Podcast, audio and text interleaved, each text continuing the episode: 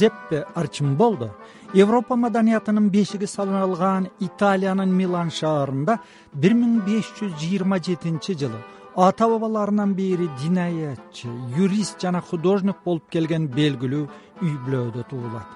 Жузеппе эмгек жолун орто замандардагы көпчүлүк булочок катактуу художниктер сыяктуу дубалдардын бетине фреска жана айнекке мозаика тартуудан баштайт арчимболдо таланты ташып турган жылдарын ыйык рим империясынын императору рудольф эки менен чогуу прагада өткөргөндүктөн таланттуу художник тууралуу сөз кылганда габсбургтар тукумунун бул мыкчыгерин аттап кетүү мүмкүн эмес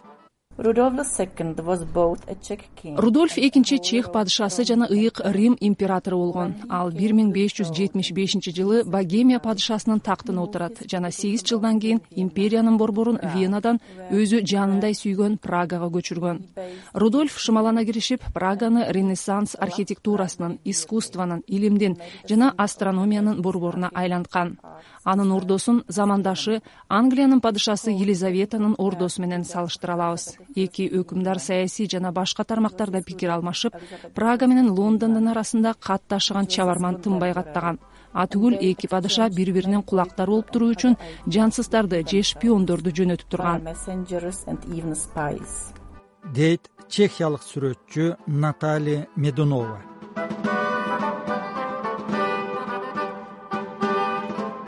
рудольф экинчи замандаштары тарабынан көркөм өнөрдүн меценаты художниктер менен илимпоздордун колдоочусу деп таанылган. Анткени бир миң беш жүз сексенинчи жылдардын ортосунан тартып прагага ар жерлерден художниктер скульпторлор усталар агылып келип шаар европанын маданий борборуна айланат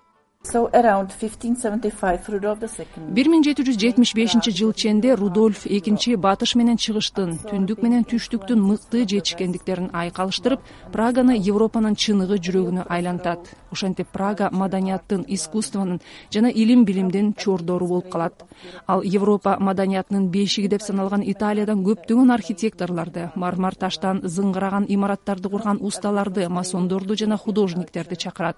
Себеби рудольф экинчинин максаты праганы ордолуу шаарлардын берметине айлантуу эле. Ошондо колунан көөрү төгүлгөн усталар менен художниктердин арасында миландан жузеппе арчимбольдо да келет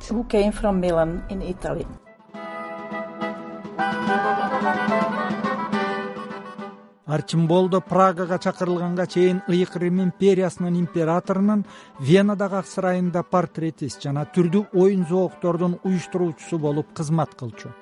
Ар тараптан таланттуу жигитти габсбургтардын ордо шаарына император фердинанд биринчи чакырган ал венага мындай маанилүү кызматка келгенде жыйырма алты гана жашта болчу. Тарыхтан маалым падышалар өлгөндөн кийин ордуна келген мураскерлери көп учурда мурдакы өкүмдардан калган өнөр адамдарын анын ичинде акындар менен шайырларды сүрөткерлер менен убазирлерди алмаштырышкан ордодон четтетишкен. Бирок атасынын ордун ээлеген максимилиан экинчи жана анын мураскери рудольф эки андай кадамга барышпайт тескерисинче өнөр адамдары менен илимпоздорду империянын атак даңкын көтөрүү максатында пайдаланышат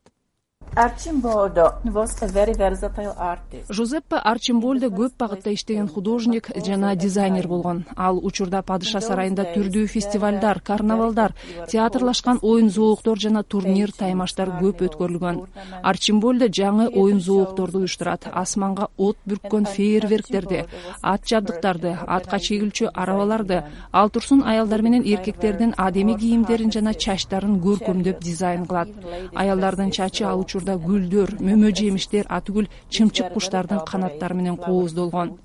Жана бир караганда таажыдай башка кондурулган ботаника жана зоология багынын миниатюрасына окшоп кеткен. Арчимбольдо ошондой эле майрамдык дасторконду кооздоп жасалгалагандын тамак ашты столго кандай иретте койгондун дизайнын иштеп чыгат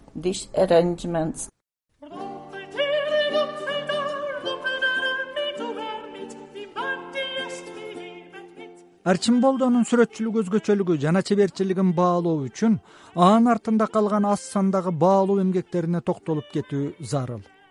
Алсак жыл мезгили деп аталган эмгектери төрт полотнодон турат жана адам кейпиндеги жылдын төрт мезгилин бышыкчылык же бак дарактардын жана жашылча жемиштердин түшүмү аркылуу чагылдырат эгер жаз айынын бети жана жакасы жалаң ар түркүн өңдөгү гүл кылып тартылса денеси жапжашыл талаадай кулпунат.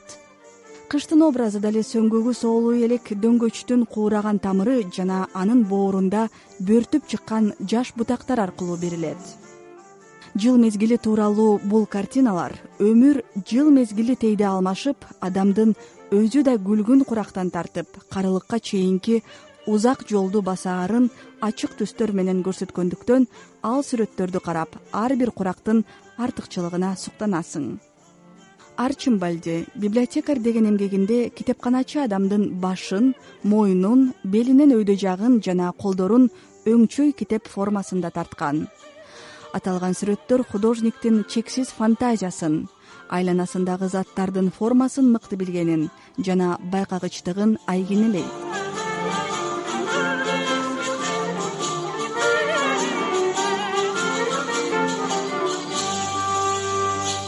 арчимболдонун жаратмандык талантына император рудольф жазбай ишенген. Ошон үчүн художникке өз портретин савис пияз алма жүзүм жана башка жемиштей кылып тартканга макулдук берет.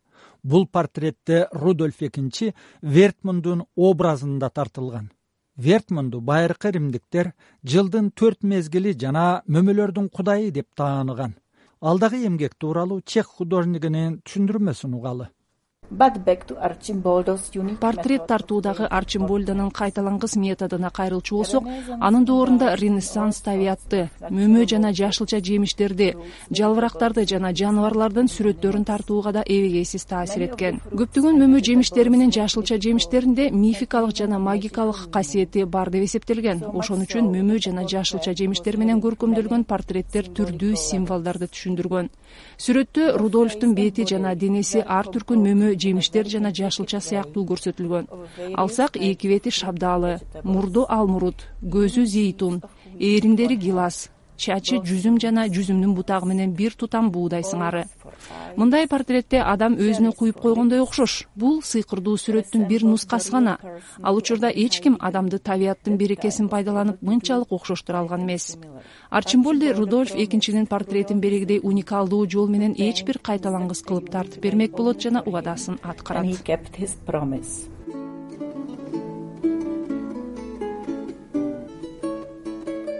императордун портретин тартууда арчимболдо аш кабак алма буудай жүзүм сабиз пияз сарымсак жүгөрү шыпыргынын ашы болуп баардыгы жыйырмадан көп затты пайдаланган. Художниктин рудольф экини молчулуктун кудайына теңеген себеби өкүмдар живопись сейрек буюмдардан башка да түрдүү куштар менен айбанаттардын кептерин чогулткан илимди каржылаган өзүнө замандаш белгилүү да белгисиз да сүрөткерлердин алардын арасында веронез питер брейгел албрехт дюрер жана башкалардын эмгектерин акчасына карабай сатып алган. Фламандиялык бартолемус спрангер немес ханс ван ахен жана башка чебер художниктер илимпоздор алардын ичинде даниялык астроном астролог жана алхимик тихо браге немес математиги жана астроному йохан кеплер прагага чакырылып ушул жерден аттарын өчпөс кылган иштерди бүт көрүшкөн император рудольф экинин живопистин өнүгүүсүнө кошкон салымы зор.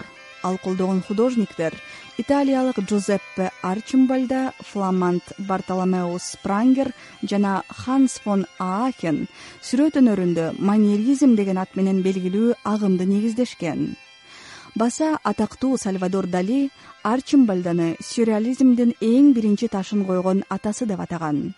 Арчимбальда ошондой эле рудольф экинин тапшырмасы боюнча табияттын тарыхы китебин көркөмдөйт. Император рудольф экинчинин коллекциясында үч миңден ашуун сүрөт болгон. Мындай чоң коллекция ал кезде европанын бир да падышасында болгон эмес. Император кээ күндөрү кунсткамерадан сыртка чыкпай ал сүрөттөргө суктанып отурган ошого прагага келген элчилер император тез кабыл алуусу үчүн ага сүрөт же сейрек адеми буюмдар менен китептерди белекке беришкен. Император бай коллекцияны чогултууда арчимболдонун да көркөм табитине ишенген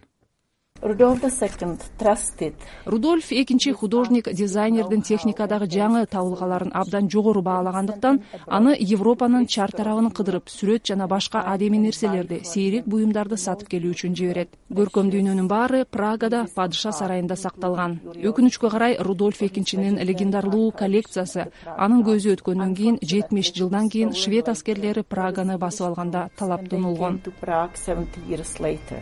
дейт чех художниги наталья медунова.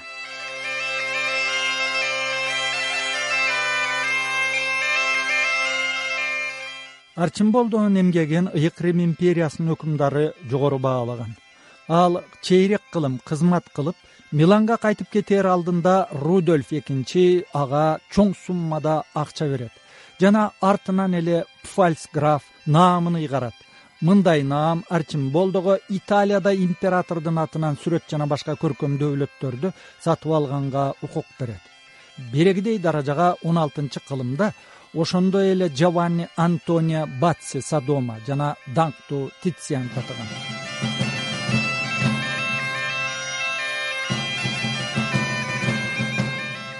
жузеппе арчимболдо бир миң беш жүз токсон үчүнчү жылы алтымыш жети жашында миланда өз үйүндө көз жумган бүгүн анын сүрөттөрү дүйнөнүн эң мыкты музейлеринин сыймыгы.